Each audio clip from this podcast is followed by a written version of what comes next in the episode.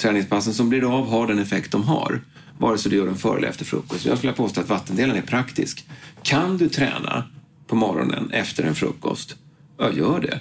Kan du inte det för att du tycker att du får håll eller känner hemma, så gör då, träna då utan frukost innan. I think it's a disgrace that information that was false and fake and never happened got released to the public.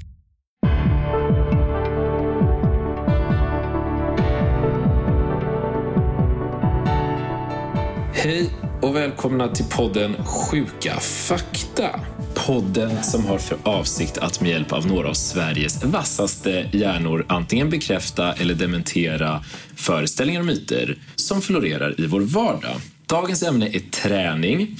Ett ämne som skapar rubriker, fyller bokhyllor och som har blivit en global trend. Men vad är träning egentligen?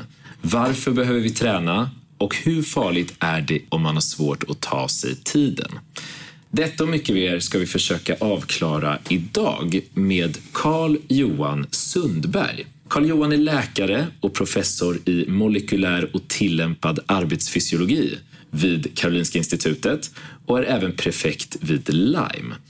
Invald medlem vid Kungliga Ingenjörsvetenskapsakademin och har verkat som ordförande i bland annat Venture Cup och Forska Sverige. Han har varit styrelsemedlem i flera biotekniska företag och även varit investment director för Karolinskas investeringsfond i tio års tid. Han har mottagit flera priser för sin kommunikativa förmåga och idag ärar han podden med sin närvaro. Carl-Johan, välkommen hit! Varmt tack! Du, eh, hur länge har människan tränat? Ja, människan har nog i bemärkelsen eh, tränat, fast inte tänkt så kanske, säkert tränat eh, sedan tidernas begynnelse. Och det gör ju vi eh, som varelser redan som barn. Mm. kan man säga. Det naturliga beteendet är ju att träna genom att göra saker, explorera omgivningen och utsätta sig för olika fysiska utmaningar. Så att det ligger någonstans i vårt beteende.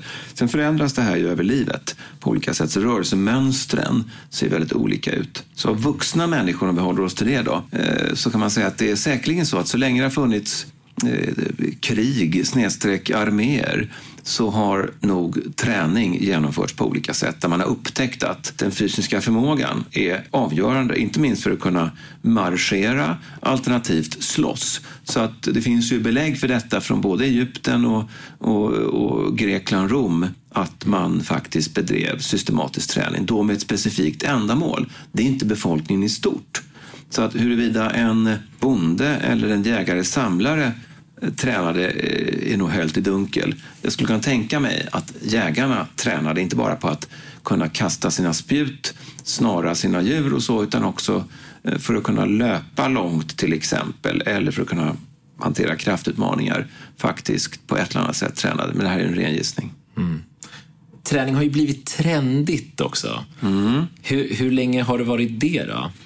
På det sätt som det är nu har det nog kanske aldrig varit det i lika stor utsträckning. Samtidigt som en väldigt stor andel av befolkningen inte alls tränar.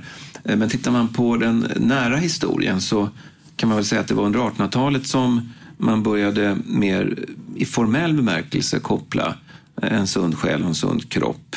Och det var ju bland annat då en del svenskar som involverade det här med Per-Henrik Ling som grundade GH och Linggymnastiken som fick en vid spridning i kanske 50 länder och var en, en av de dominerande gymnastikformerna kan man säga. Och sen var det ju en läkare vid Karolinska institutet, eh, Gustav Sander, som eh, grundade det han kallade för Sanders medikomekaniska institut på 1860-talet. Och de där fortsatte ju i storleksordningen fram till 1910 kanske och fanns i eh, Europa, Nordamerika och även i Asien ett jag tror att det var ett, alltså flera hundra sådana här gym som då i franchisebasis använde sig av hans namn och av de maskiner han lät serietillverka. Nu pratar vi alltså om saker som hände för 150 år sedan. Så att på så sätt var det ju inte en trend, men det var ett fenomen som åtminstone en del av den besuttna befolkningen eh, tog del av. Så att man förstod nog det här på något plan. Och läser man hans och Lings skrifter så ser man att de tänker ju väldigt mycket i de banor som är eh, kloka och ofta riktiga utifrån den forskning som senare har kommit. Men vetenskapen hann ju inte ikapp förrän eh, egentligen med, med mätningar eh, förrän egentligen 1953 när det publicerades en eh, ganska grundläggande studie som tittade i tvärsnittsutformning på risken för hjärtinfarkt eller död i hjärtinfarkt hos dubbeldäckarchaufförer på Londons bussar. Och då såg de ju att de som var konduktörer och sålunda sprang och klippte biljetter upp och ner för trapporna, 600 vertikala trappsteg om dagen, jämfört med chaufförerna som satt 90 procent av dagen.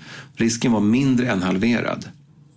Så att eh, det var den första så att säga, mätningen och den åtföljdes av mätningar i andra yrkeskategorier. Man såg samma fenomen, starkt samband mellan rörelse på jobbet och sänkt risk för framförallt då hjärt-kärlsjukdom.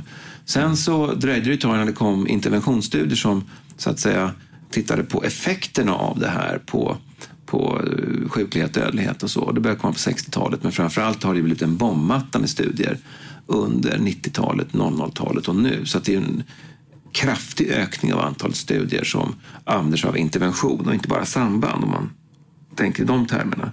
Mm. Och eh, man kan väl säga att det fanns ju inte bara snapshot-samband som man då använde sig av ursprungligen där, utan också longitudinella studier. Man observationellt följde människor och såg att hade man en bra fitness vid mättillfälle 1 eh, och mättillfälle 2 fem år senare, då var risken att dö under en uppföljningsperiod avsevärt lägre än om du hade en låg fitness, alltså konditionstal, vid båda tillfällena. Bytte du fitnesskategori, vilket ju en del gjorde, eh, inte så många, men några, så såg man att du antingen gick upp i risk eller ner i risk beroende på om du närmade dig, dig den eh, inaktiva eller aktiva snedstreck hög eller låg fitness. Så att man började ju skönja mönster ganska tidigt under 1900-talets mitt och framåt. Men egentligen den stora tegelstenen som så att säga stadfäste det här i samlat skick, det var ju Surgeon Generals Report från 1996 där man eh, sammanställde den litteratur som fanns och där grundlades då de eh, rekommendationer som vi idag har för fysisk aktivitet i befolkningen. Mm. Tränar du själv någonting? Ja. Vad brukar du göra? Ja, varje på helgerna är det ju eh, springa om det låter sig, eller på gym på lördagarna. Och sen på söndagarna är det ju eh, gympapass, samma pass sen 25 plus år. Och, och sen blir det väl på vintrarna framförallt skidåkning och annat. Jag tänker mest, vi ska strax grotta ner oss och du ska få eh, en uppsjö frågor kastade åt ditt håll. Men brukar folk fråga dig om tips? Eller om du för den skull hör några andra prata entusiastiskt om något som du vet kanske inte är helt hundra. Eh, flikar du in? Det beror på sammanhanget naturligtvis. Eh, jag brukar väl inte kasta mig in i diskussioner men däremot eh, om man är med kompisar eller om släktingar frågar och sådär så definitivt så, så dyker det upp frågeställningar där man får kanske eh, bidra med viss så att säga, insikt. Men jag, jag tror inte att jag är klåfingrig. Nej. Nej. Nej. Tycker du själv att du kommer i kontakt med myter om träning? Ja, det gör jag förstås. Och det gör jag både när jag dels undervisar på läkarprogrammet mm. men också i andra sammanhang när man eh, håller föredrag och så framför Det finns mycket myter och så självklart i medierna. Mm. Så att eh, det är ju, finns många föreställningar där man anser, eller många tror att någonting är kassaskåpssäkert. Och eh, det är sällan det, det för det första. Du sa ju att man kunde antingen bekräfta eller avfärda en myt och sen finns det en gråskala där du vare sig kan avfärda eller bekräfta därför att det är fortfarande kanske oklart. Mm. Har du någon lite rolig anekdot från någon myt som har eh, kastats din väg? Eller?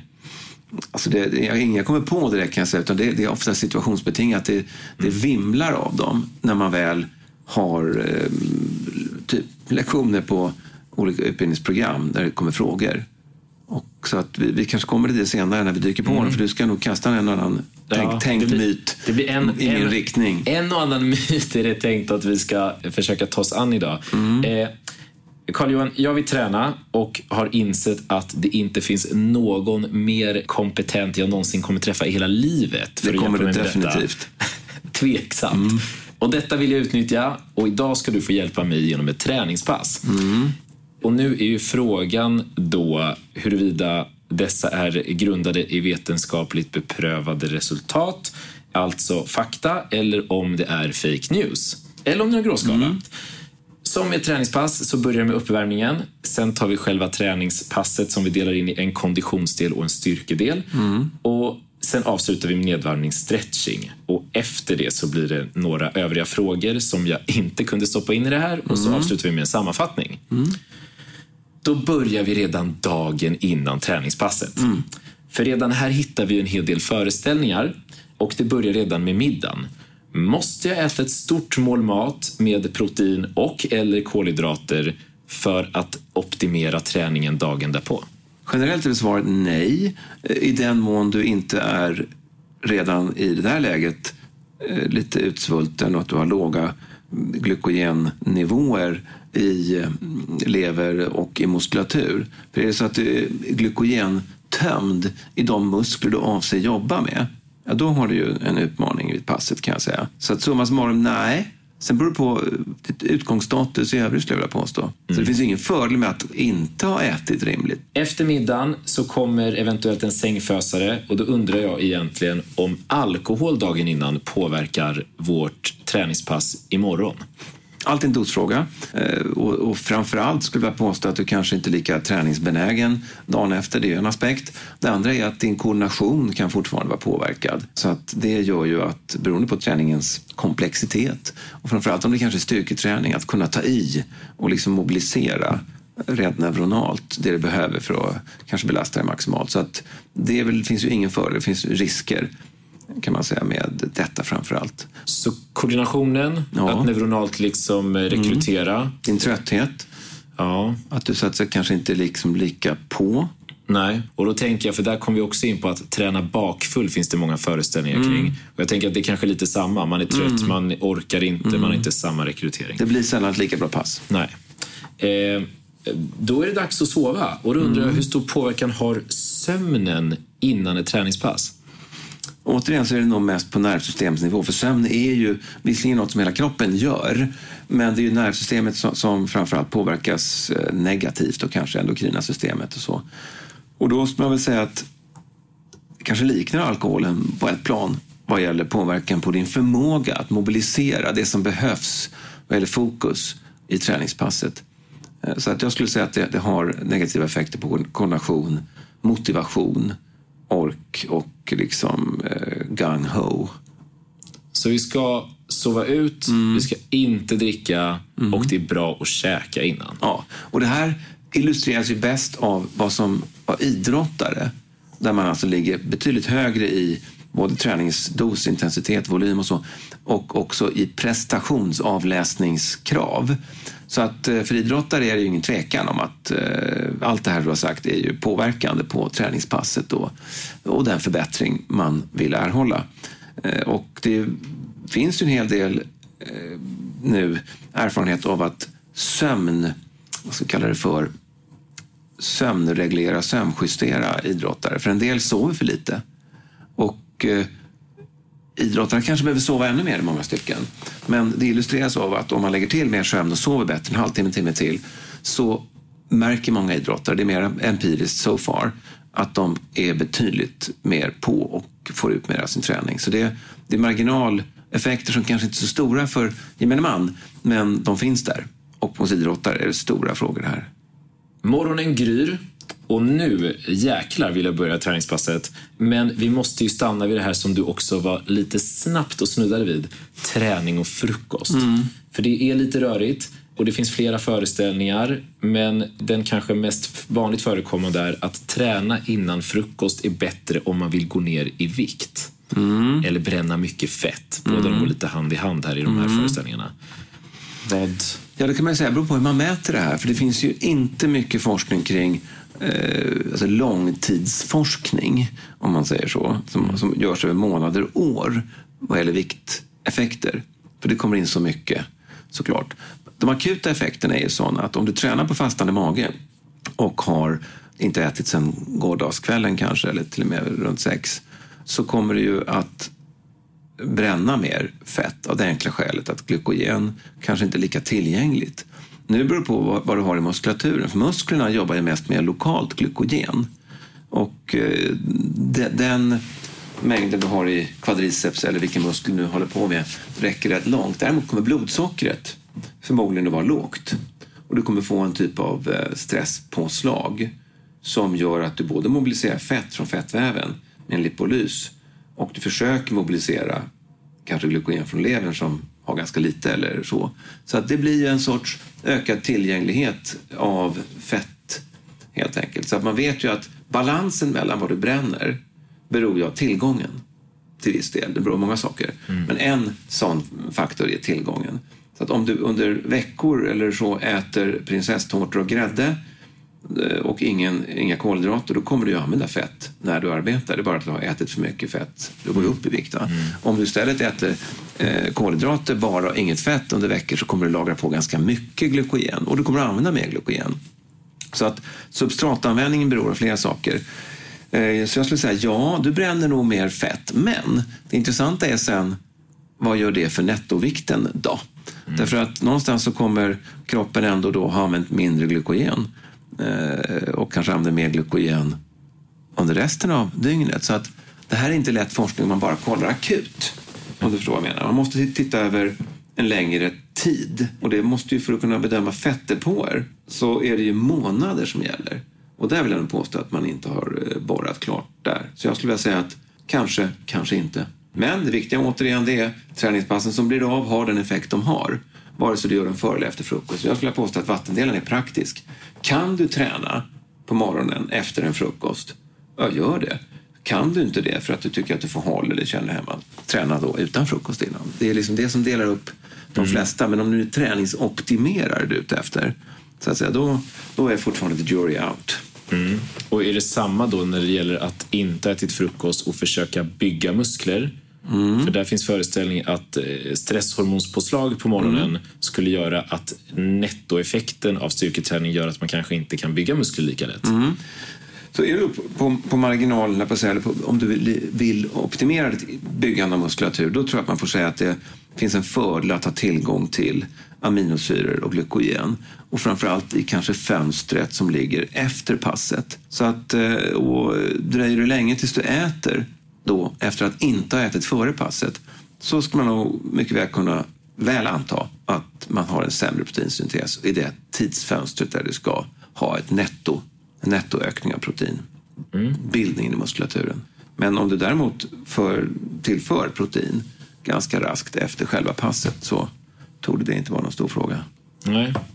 Spännande. Det tar vi med oss, eh, för vi lämnar frukosten nu mm. och kommer fram till gymmet. En 80-åring springer på ett band, ett ungt par ror på roddmaskiner. Jag återkommer till varför det här är intressant. Två stycken hjälps åt med bänkpress och ett barn gör akrobatiska övningar på en pilatesboll. Spännande gym. Det är väldigt spännande gym. Det är blandade åldrar här.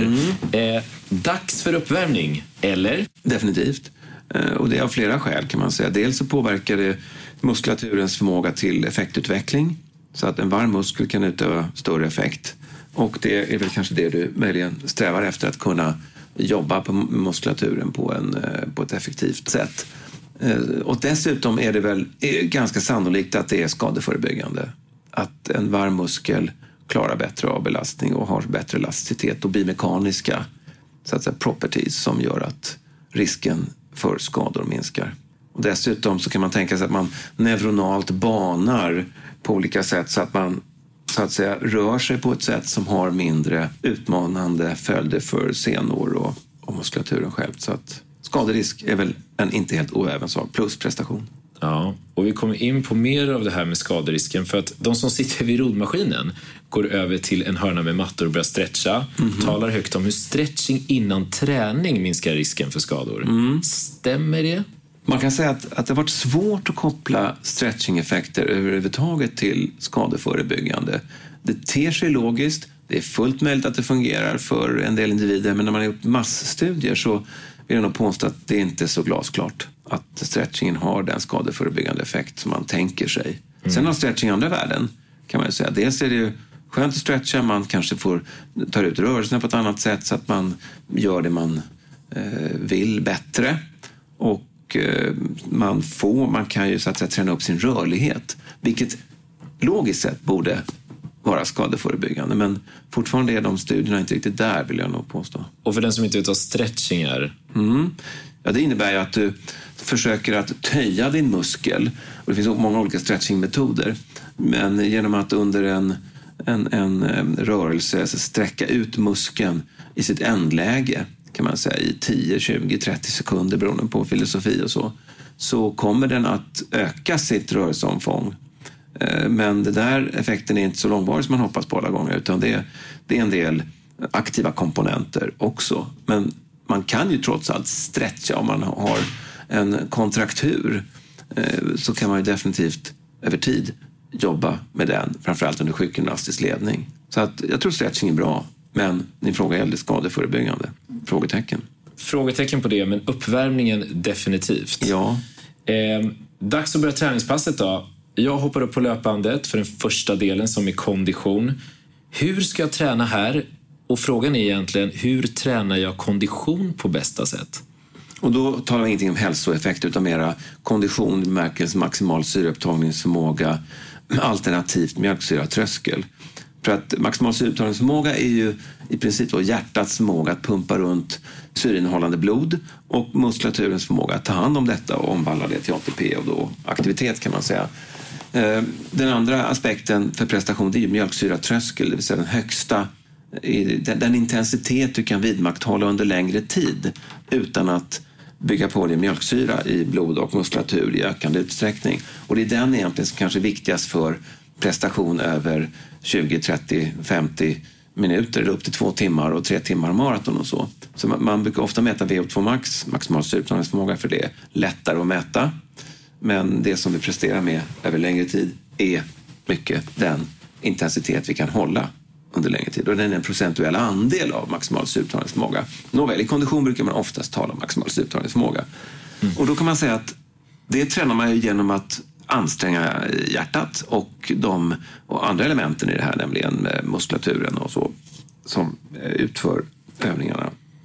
Och du kan öka konditionen om du är otränad, i princip på vilket sätt som helst. Bara håller på antingen tillräckligt länge eller tillräckligt, med tillräckligt hög intensitet. Men om vi säger att, du är en person som har liksom tränat i många år, eh, du, du, du tycker att din kondition inte är så bra som den skulle behöva vara, ja då är du kanske på en nivå där du måste väva in intensitetsökningar.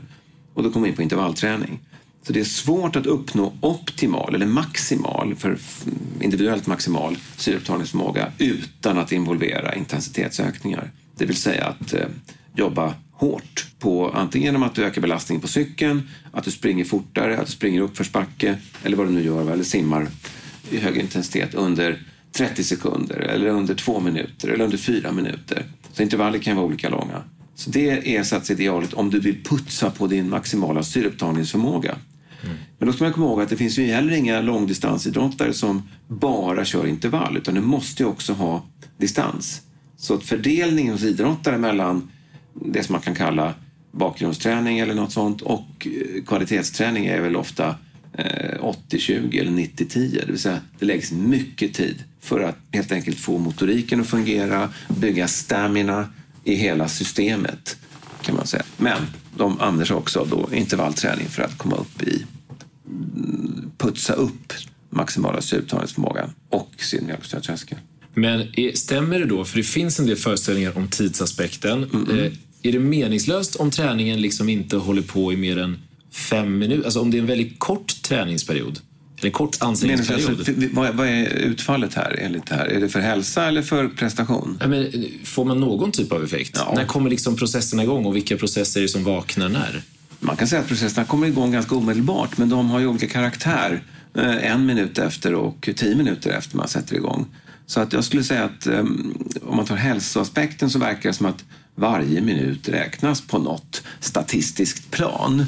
Och den äldre rekommendationen var 30, den, kvarvarande 150 minuter i veckan och eh, att det, förut sa man då minst 10 minuters pass men eh, idag är man mer flexibel skulle jag vilja påstå. Så att det adderas. Men om du pratar om träning, träning och inte bara fysisk aktivitet som det här som jag nu sa mm. angav så beror det på intensiteten som du bedriver träning. För träning, till skillnad från det generella begreppet fysisk aktivitet, fysisk aktivitet innefattar ju all rörelse kan man säga. Mm. Det vill säga att du helt enkelt promenerar i långsam takt till att du, att du springer upp för en backe eller vad du håller på med.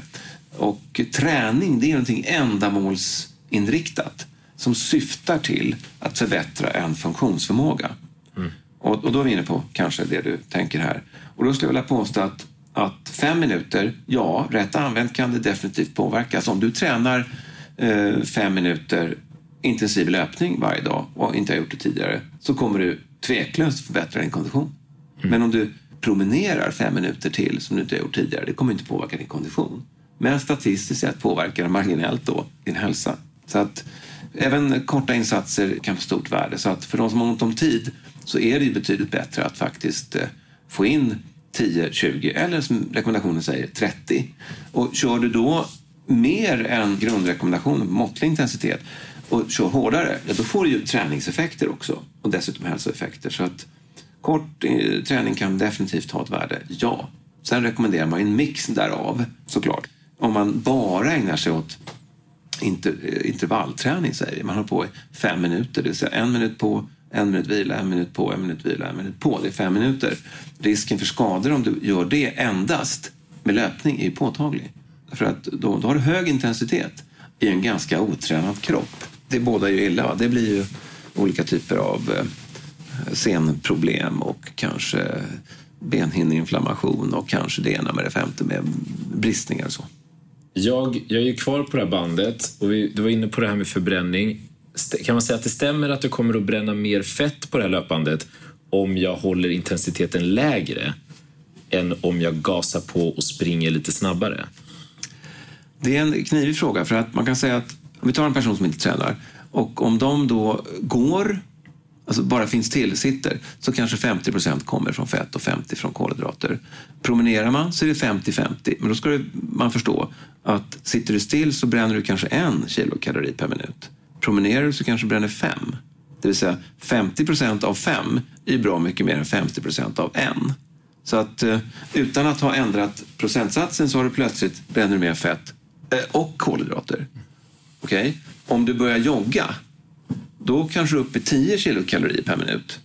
Och då beror det på hur pass otränad du är, men du kanske börjar få mer av din eh, så att säga, energi från kolhydrater. Men av, av, bara för att ett exempel då, vi säger att det är 40 procent från fett vid 10 kilokalorier per minuts förbränning. Ja, 40 av 10 är ju 4. Det är ju mer än 50 av 5 som är 2,5. Så att relativt sett mindre, men absolut mer.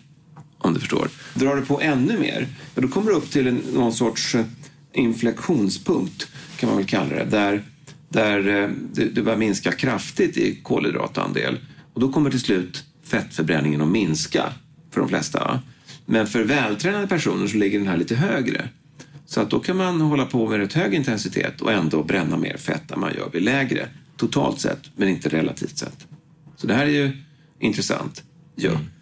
Någonstans är det så att det är totala kilokalorierna över tid som spelar störst roll, som du använder i förhållande till dem du sätter i dig.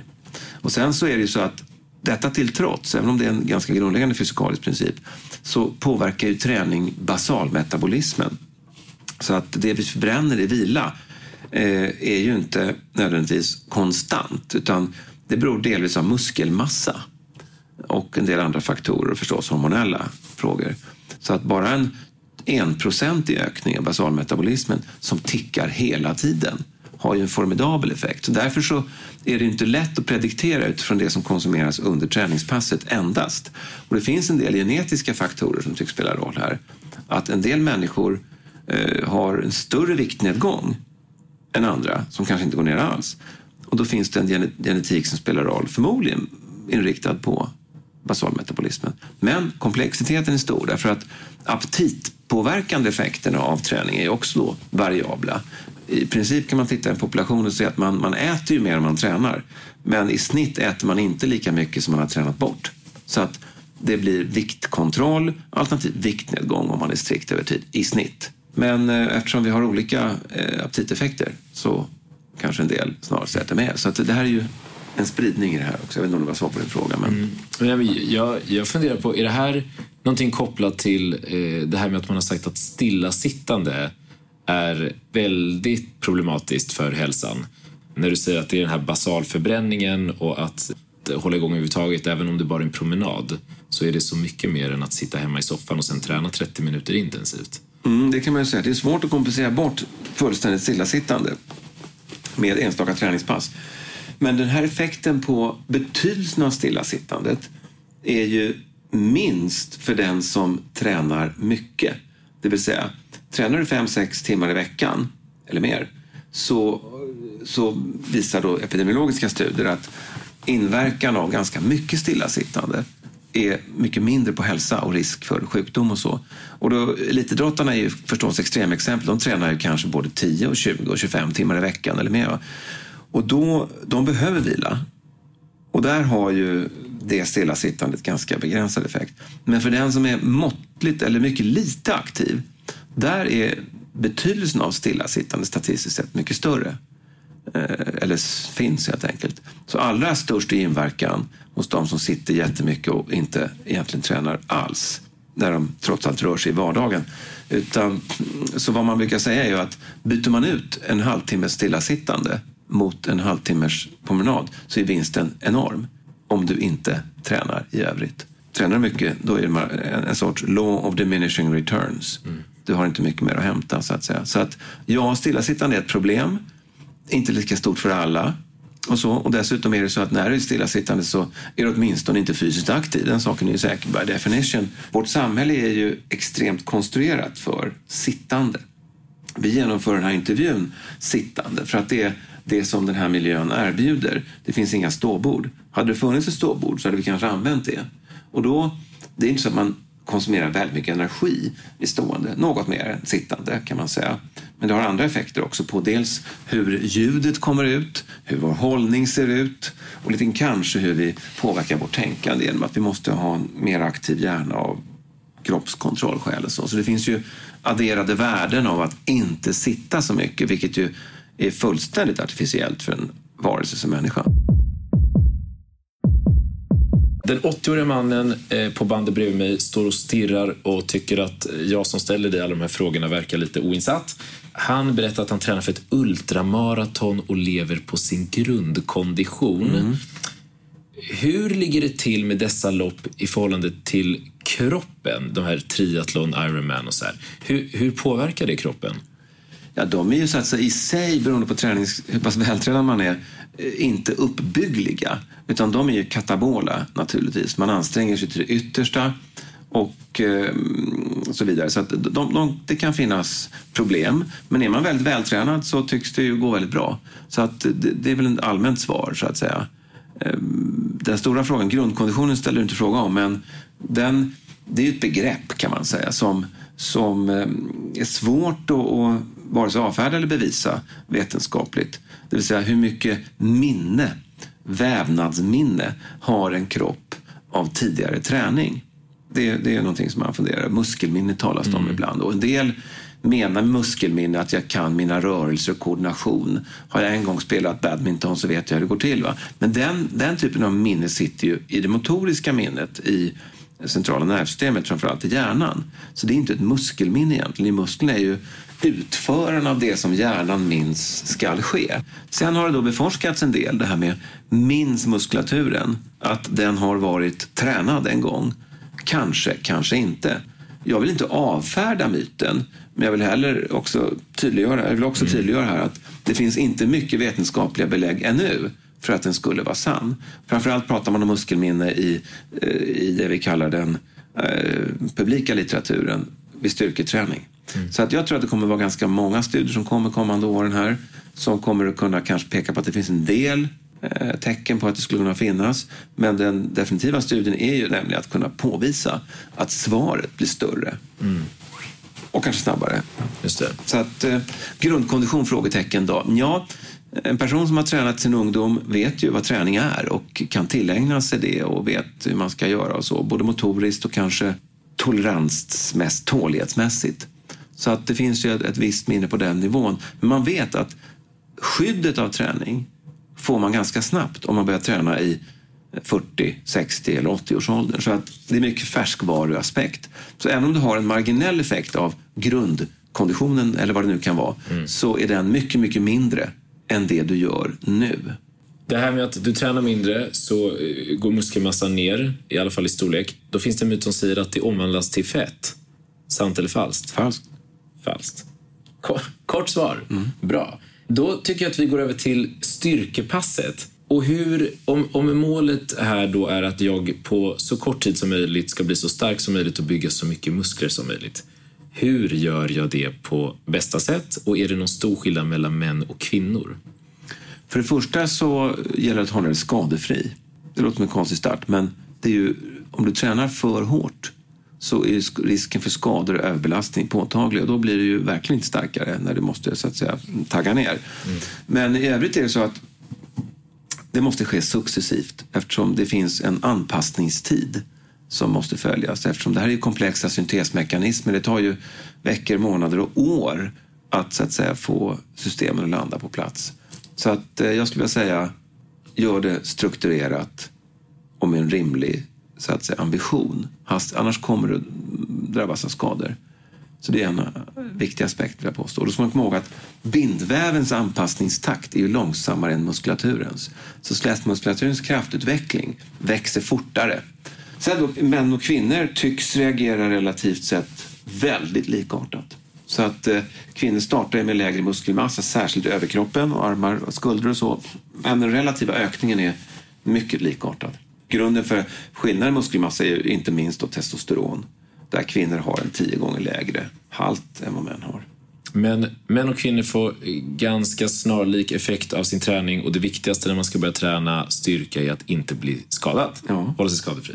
Det finns en hel del påståenden om styrketräning och bygga muskler. Jag tänker att jag ger dig fem påståenden och du får svara sant, falskt eller halvfabrikat. Eh, Den första är man förbränner fett över det område man tränar. Alltså sit-ups om du vill ha mindre fett på magen. Med all sannolikhet falskt. Mest effektiva sättet att bygga muskler är genom att träna stenhårt med väldigt tunn, tunga vikter, få repetitioner eh, halvfabrikat, skulle jag vilja påstå. Man har visat att man kan få väldigt stor effekt av eh, lägre vikt och eh, fler repetitioner. Så att jag skulle säga att de, där har litteraturen justerat sig lite grann. Sen beror det på vad det är för kategori du talar om. Talar du om optimal styrkeökning för eh, kroppsbyggare och eh, styrkelyftare, då, det annat ballgame. Men här var det, trodde jag, eh, gemene man. Då är det nog så att eh, det är likartat. Och för den som inte visste vad jag svarade nu så nickade jag på gemene man. tack. Exakt. Vill man bygga muskler ska man undvika konditionsträning. Kanske, men jag skulle påstå att för den som är otränad så får du förbättring i båda eh, riktningar. Är du världsmästare i styrkelyft så kan du ge dig skjuts in på att de inte tränar konditionsträning överhuvudtaget. Så att eh, ju högre upp du kommer i maximering av din styrka desto större sannolik negativ inverkan har det. Men hos, hos oss, de flesta av oss kvittar det, vill jag påstå. Och motsatsen då till att muskler skulle omvandlas till fett när de degraderas, så vid styrketräning omvandlas fett till muskler. Nej, och då vill jag kvalificera det och det förra påståendet. För att det är klart att man kan öka i fettmassa om man slutar att träna, men det har inte, kommit inte från muskulaturen. Så att omvandlingen är ju problemet då i själva frågeställningen här. Ehm, och eh, ja, helt enkelt så att man använder ju inte fett för att bygga upp muskler heller med styrketräning. Däremot använder man fett för energi, för att jobba. Så att eh, svaret är nej om man är strikt. Sen kan det fortfarande vara så att den som tränar mycket styrketräning minskar i fettmassa. Men särskilt mycket minskar du i fettmassa och bukfett till exempel med konditionsträning. Behöver man vilodagar? Svar ja. Och det beror på då vilken typ av träning. Var det styrketräning, uthållighetsträning? Ja, nu pratar vi, nej, styrketräning tänkte jag på. Ja. ja, beror på hur hårt du har tränat. Men det är sannolikt ganska bra att ha 48 timmar mellan passen. Sen så finns det de som vill träna varje dag. Det går ju bra det också. Eh, Men det har nog begränsad additiv effekt. Det vill säga, vill du vara effektiv och ta sig per insatt tid styrketräning så är nog 48 timmar till fyllest. Du får ju till och med effekt om du tränar styrketräning en gång i veckan. Men du får inte samma effekt som du gör tre gånger. Och du får inte så mycket mer effekt att träna sju gånger. Nej, jag är med. Eh, vi kommer tillbaka till våra karaktärer. Bänkpressarna står och klunkar i sig proteinshakes och aminosyror på flaska. Vad säger vetenskapen om det här med proteinintag under träning? Gör det verkligen skillnad? Det beror på vem du är. Alltså är du en elitidrottare eller då kanske elittränande person så kan det nog ha en viss effekt faktiskt. Men, eh, och, och du måste tillföra det lite mer protein. Den stora frågan är vilka doser vi talar om här. Jag har inte riktigt koll på vad det blir för doser totalt. Och ofta är det nog en överdrift i intag kontra värde. Men ja, ja. Skulle kunna ha någon effekt i alla fall. Ja. ja. Bägge träningspassen är avklarade. Nu är det dags för nedvarvning. Varför ska man ägna sig åt nedvarvning? Ja, alltså dels är det ju mentalt ganska skönt att varva ner, så det är en liksom generell aspekt. Men sen kan man ju säga att om man har kört väldigt hårt som sista insats och om man inte varvar ner, då finns det ju en risk. Alltså har du kört läggpress med maximala vikter och sen bara reser upp och eh, står, då finns det en stor risk att du eh, så att säga eh, får en kärlvidgning i benen så du kan tuppa i princip. Och det där är särskilt illustrativt med ett test som kallas Wingate som är 30 sekunders maximal all-out cykling där man har maximerat effektutvecklingen. Om man trampar 30 sekunder, det låter ju lite va, men det är riktigt tufft. Det, det verkligen känns som med blodsmak i munnen i 30, minuter, 30 sekunder. Och då stannar man och cyklar så kommer du att tuppa med stor sannolikhet. Och då trampar du ner dig så är risken noll, eller begränsad. Sen är det en annan sak att, att du återhämtar dig bättre inför vad du ska göra därefter genom att ha en aktivitet som kanske ligger på 30-40 procent av VO2 max. Du, du förbränner mjölksyra fortare och sänker blodmjölksyran snabbare. Du blir alltså av med en del av det som kan kallas eh, slaggprodukter. Jag tror att det är mycket mentalt och lite grann inte har just gjort det mest intensiva precis före du bara ställer dig upp och ska göra något och gå till omklädningsrummet. Bänkpressarna stretchar frenetiskt och menar att de gör det för att få mindre träningsverk. Mm. Vad svarar du på det? Jag svarar nej. Nej, har ingen effekt. Ska jag svara nej? Halvfabrikat eller ja? Det svarar nej, svarar nej. Ja. Va, så det är ingen effekt med stretching och träningsverk? Nej. Nej. Vad är träningsverk? Träningsverk är ju då, på engelska kallas det för delayed onset muscle soreness, alltså en fördröjd eh, muskelverk som man får efter viss typ av träning. Framförallt eh, sånt som innehåller excentriska kontraktioner, alltså bromsande rörelser där man bromsar en vikt eller om man springer ner för en, en bergknalle nerför backe. Och det beror på att, att själva belastningen på muskeln, framförallt i hastigt bromsande rörelser, tunga rörelser, är så stor så att man eh, får en del skador, mikroskador på eh, både kanske muskelcellerna men också den bindväv som finns. Så det är en sorts kvitto, fel ord, men det är en sorts konsekvens av just det. Finns det något gyllene sätt att undvika träningsverk när man har tränat? Ja, alltså om du bara jobbar koncentriskt, simma, då har du svårt att få träningsverk i de flesta fall. Cykla, svårt med träningsverk. Mm. Eller om du använder dig av maskiner med så hög friktion så att du bara jobbar koncentriskt och den excentriska fasen inte ger dig någon belastning. Då kan man säga att du undviker det. Eller träna regelbundet så kommer träningsverkseffekten av ett enskilt pass vara minimal. Okej, för att det finns en föreställning som säger att om man inte får träningsverk så har man inte fått effekt av träningen. Så kan det vara. Den stora frågan är då, är träningsverken i sig nödvändig för träningseffekten? Oklart. Eller är det så att hårdare träning ger mer träningsverk men också mer träningseffekt? Att de här två är oberoende av varandra. Så det är möjligt att det bara är ett eh, kvitto i det fallet på att man har tränat hårt excentriskt. Så det är väldigt svårt och säga om det är så att träningsverken i sig bidrar till träningseffekten. Det är ju mm. riktigt knivigt. För vad är det i träningsverken? Är det mikrorupturer? Är det någon sorts inflammationsinslag? Ja, där tvistar man om. Så att den kausala studien, liksom, att orsaken skulle vara det, är nog inte riktigt där ännu. Däremot så samvarierar de. Du får mm. nog stor effekt om du har träningsverk. Du får ju mindre träningsverk om du är vältränad. Mindre träningsverk om man är vältränad kan inte säga säkert att utebliven träningsverk innebär effekt eller utebliven effekt. Nej, jag skulle nog säga det. Mm. Finns det något samband mellan träningseffekt och svett? Man kan väl säga så här att när vi ser människor svettas, då ser vi det svett som inte har dunstat, den svett som inte har dunstat. Det vill säga, det svett som är kvar på huden. Vi ser ju inte den som är vattenånga, som har lämnat huden. Så att på sätt och vis är svett som droppar till marken förlorad och till ingen nytta, om man säger så. Så det ger ju ingen värmeförlust av att droppa svett. Det du ser och som folk misstar sig, de ser någon är blank av svett. Ja, precis. uppenbarligen har de inte lyckats hålla sin hud lika varm som personen intill.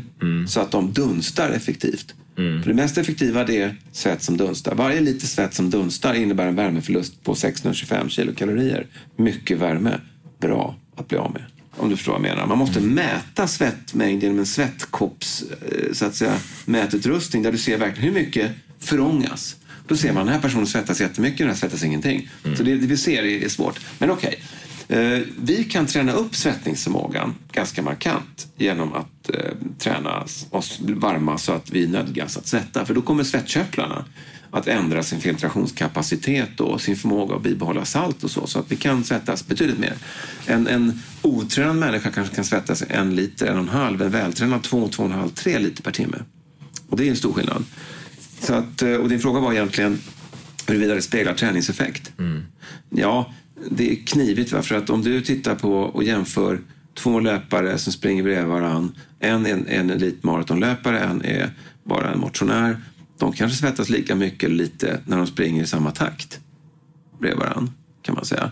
Eh, Men ökar takten mer, då kommer den, den vältränade kunna svettas mer och därmed hålla ner temperaturen i kroppen. Medan den otränade inte gör det lika bra.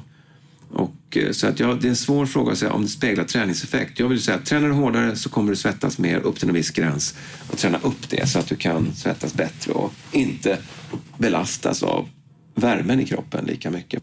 Du vill lämna gymmet nu. Eh, jag är dyngblöt. Och jag vill ju bjuda dig på middag och vin som tack för din hjälp med det här träningspasset.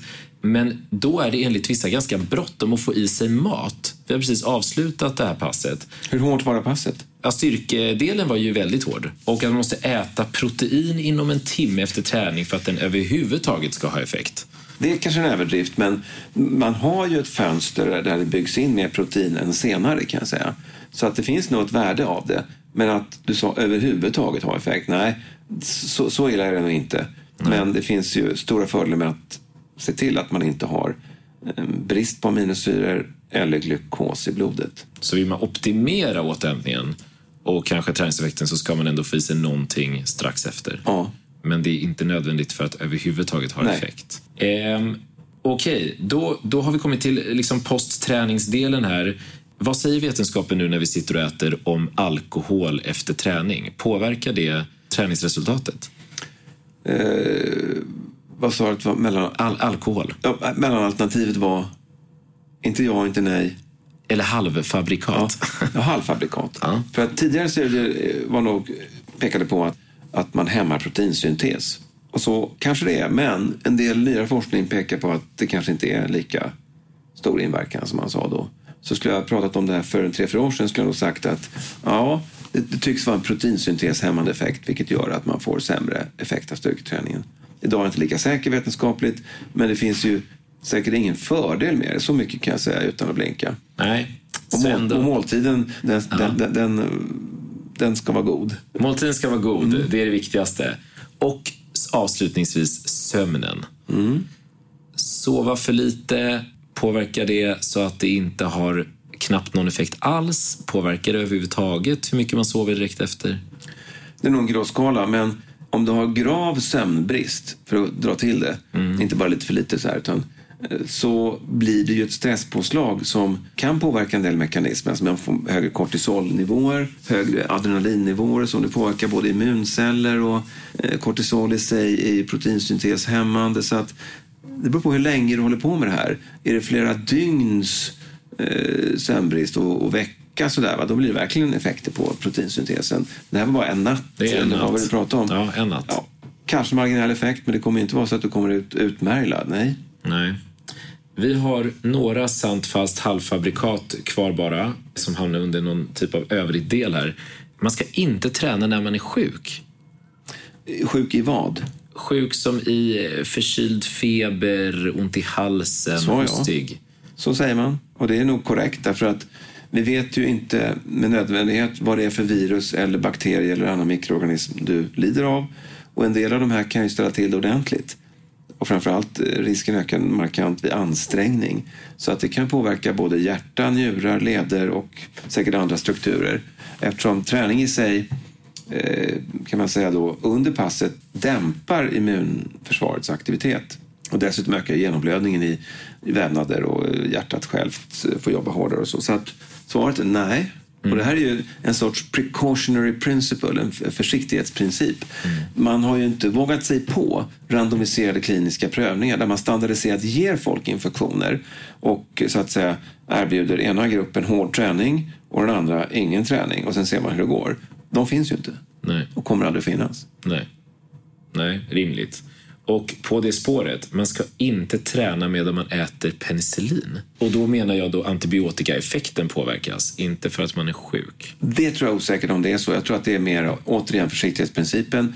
Så länge det är en, en kur så är du inte botad och därför ska vi ta det lugnt. Förtvinas muskler om man äter NSAID-preparat, alltså antiinflammatorisk medicin, samtidigt?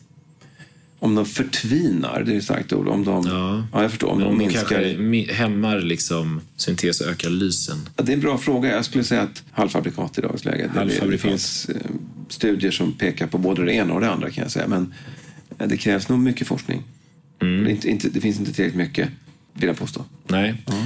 Då ska du få en sista fråga och sen avslutar vi det här. Kan man vara, för vi hade ju en 80-åring och ett barn mm. i den här historien. Är det farligt för barn att styrketräna och kan man vara för gammal för styrketräning? Det är inte farligt att träna styrketräning och med kroppen som vikt är det definitivt inte farligt. Och frågan med vikter och det är förmodligen inte farligt. Men problemet uppstår ju när ett barn tränar så hårt och så omfattande så att det påverkar tillväxten. Det kan man ju tycka är ett annat problem. Eh, då är det inte bara vilket barn som helst, då är det någon som ägnar extremt många timmar i veckan åt träning. Och då får det ju negativa effekter på längdtillväxten. Så att, jag vet inte vilken härad du är i. Är det här bara grannen i kvarteret eller är det här en elitgymnast på väg mot OS? Nej, men då, ja, jag tänker för att det ska vara mer tillämpbart på våra lyssnare så tänker jag mer gemene man, grannen i kvarteret. Mm. Då vill jag påstå att det inte är farligt i sig. Nej. Sen är frågan om hur mycket ska man fokusera på styrketräning kontra lek? Det är en avvägning. Eh, såklart. Man ska ju inte vara fokuserad på bara bygga styrka. Utan jag tror man ska eh, ha leken och rörelseglädjen i centrum. Och sen kan man vända på steken och säga att det är ingen fördel att vara svag för ett barn. Alltså rent bara för att klara sig och, i sin vardag och göra det på ett kontrollerat och så sätt. Så att viss styrka är bra, så styrketräning är ju av godo. Kan man bli för gammal för styrketräning? Nej, utan då, man har sett effekter eh, upp till 100 års ålder. Och Eh, Eh, sen kommer man aldrig uppnå det man hade när man var 20 eller 40. Men man kan öka sin styrka markant, kanske relativt sett mer än yngre därför att man har tappat så mycket. Därför många äldre är väldigt inaktiva. Så att värdet är störst relativt sett vid hög ålder om man styrketränar. Spännande. Så det vi egentligen, egentligen lärt oss idag att eh, sömnen är, sömnen är viktig, men den är inte, det är inte katastrof om man tappar lite sömn där bara något dygn mm. innan efter. Samma sak egentligen med alkoholen. Där, mm. där vinden har vänt lite grann, men lite mer mm. osäker på hur kraftig effekten är. Det finns ingen fördel. Det finns ingen fördel. Nej. Det, ska, nej, det ska vi förtydliga. Det finns mm. ingen fördel. Vad gäller mat dagen innan, en fördel kan man säga. Mm. Men frukosten är inte helt säkerställd om det är ett måste innan träning egentligen. Nej. Även om jag tror att man, man tränar ju kanske lite bättre och kontrollerat om man har i varje fall en viss ja. Eh, blodsockernivå. Ja. Mm. Och alkoholen påverkar lite med rekrytering av nerver sa vi och lite med koordinationen. Exakt. Och man är trött och omotiverad mm. kanske. Sen så var det ju uppvärmningen definitivt för skaderiskminskning. Och optimering av effekt. Och optimering av effekt. Stretching, lite mer åt halvfabrikathållet, är lite osäkert. Eller skadeförebyggande, ja. Sen hade vi konditionsträning. Då är det så att eh, all typ av träning ska vi ändå säga är bra att få till. Men högintensiv träning kan man ju ägna sig åt och framförallt för att förbättra konditionen om man redan har en hög kondition så då använder man intervallträningen för att pressa sig högre Mm. I prestationssyfte. Men även hos äldre, vilket jag inte sa då, men eh, om man tänker sig gångintervallträning, det vill säga att man inte springer och så, har visat sig sannolikt ha effekter på blodsockerkontroll och blodtryck och så. Det vill säga att du kanske går raskt i tre minuter, raskare än raskt. Så går du lite långsammare än raskt och raskare än raskt, tre, tre, tre. Då får du ju något större effekt, det vill säga tempovariation. Använd backar. Ta i i uppförsbacke, ta det lugnt i nedförsbacke. Men det är inte kondition, va? men det, det visar sig att eh, tempovariation i sig är nog värdefullt för de flesta. Ja. Och vad gäller fettförbränning som är en het potatis för många så i absoluta tal så förbränner man ju mer fett ju högre intensitet man håller. Upp till kanske 60-65 procent av maximal syrebetalningsförmåga. Sen börjar det dala. Och sen Men så- total Ja, kaloriåtgång är viktigare. Sen så är vi inne på det här med att eh, fett och muskler kan inte omvandlas till varandra. Däremot om man tränar mindre så kan man ju lägga på sig fett av andra Ja. anledningar. Men Ja. det kommer inte från musklerna Nej. nödvändigtvis. Styrketräningspasset. Man ska framförallt, viktigt att poängtera, inte skada sig om det är så att man vill ha träningseffekt styrkemässigt. Så det ska man hålla sig till. Man kan få väldigt bra styrkeutveckling av väldigt många repetitioner med lägre motstånd. Så det måste inte vara få och väldigt tunga. Nej, men vi pratar alltså istället för 4-6 repetitioner, om du gör eh, 14-16 så kan du få stor effekt. Om den sista repetitionen är den sista du orkar med. Om du förstår vad jag menar. Ja, så att den, att det är som det du orkar sista 14, du pallar inte den 15. Så du ska vara Du ska vara utmattad. utmattad, Ja. men att det kan vara med olika motstånd. Eh, Nedvarvning, stretching. Stretching är inte ett verktyg för att bli av med potentiell träningsvärk. Nej. Och utebliven träningsvärk är inte kvitto på att träningen inte har givit effekt. Mm. Men får du träningsvärk, då har du ju tränat så mycket så att musklerna har tagit sig en törn och då har du antagligen fått effekt av träningen. Så kan man säga. Det är möjligt att de samvarierar. Så att har du Ja. träningsvärk får du större träningseffekt gäller styrka. Så skulle det kunna vara. Och nedvarvningen är också bra. Vi pratade lite om det här med cykeln. Att man inte bara rätt, eh, rätt upp och ner går ifrån ett väldigt tungt pass. Utan man ska komma ner i varv lite. Och sen pratar vi om det här med alkohol, sömn och mat efteråt. Ät en god måltid. Det är aldrig fördelaktigt att dricka efter träning, men frågan är hur stor skadeverkan det egentligen är. Och sov ut efteråt. Det kanske inte påverkar jättemycket. gå och lägg dig tidigt. Eller gå och lägg dig tidigt. Ja. För att, framförallt för att det är skönt. Du, Precis. Karl-Johan, tack så hemskt mycket för din tid. Tack, Extremt Simon. intressant det här. Det är ett spännande fält. Det är ett väldigt spännande fält. Det har du gjort bra. Ja, Tack, det är ett väl upplagt program. Ha det gott, tack för det. Tack.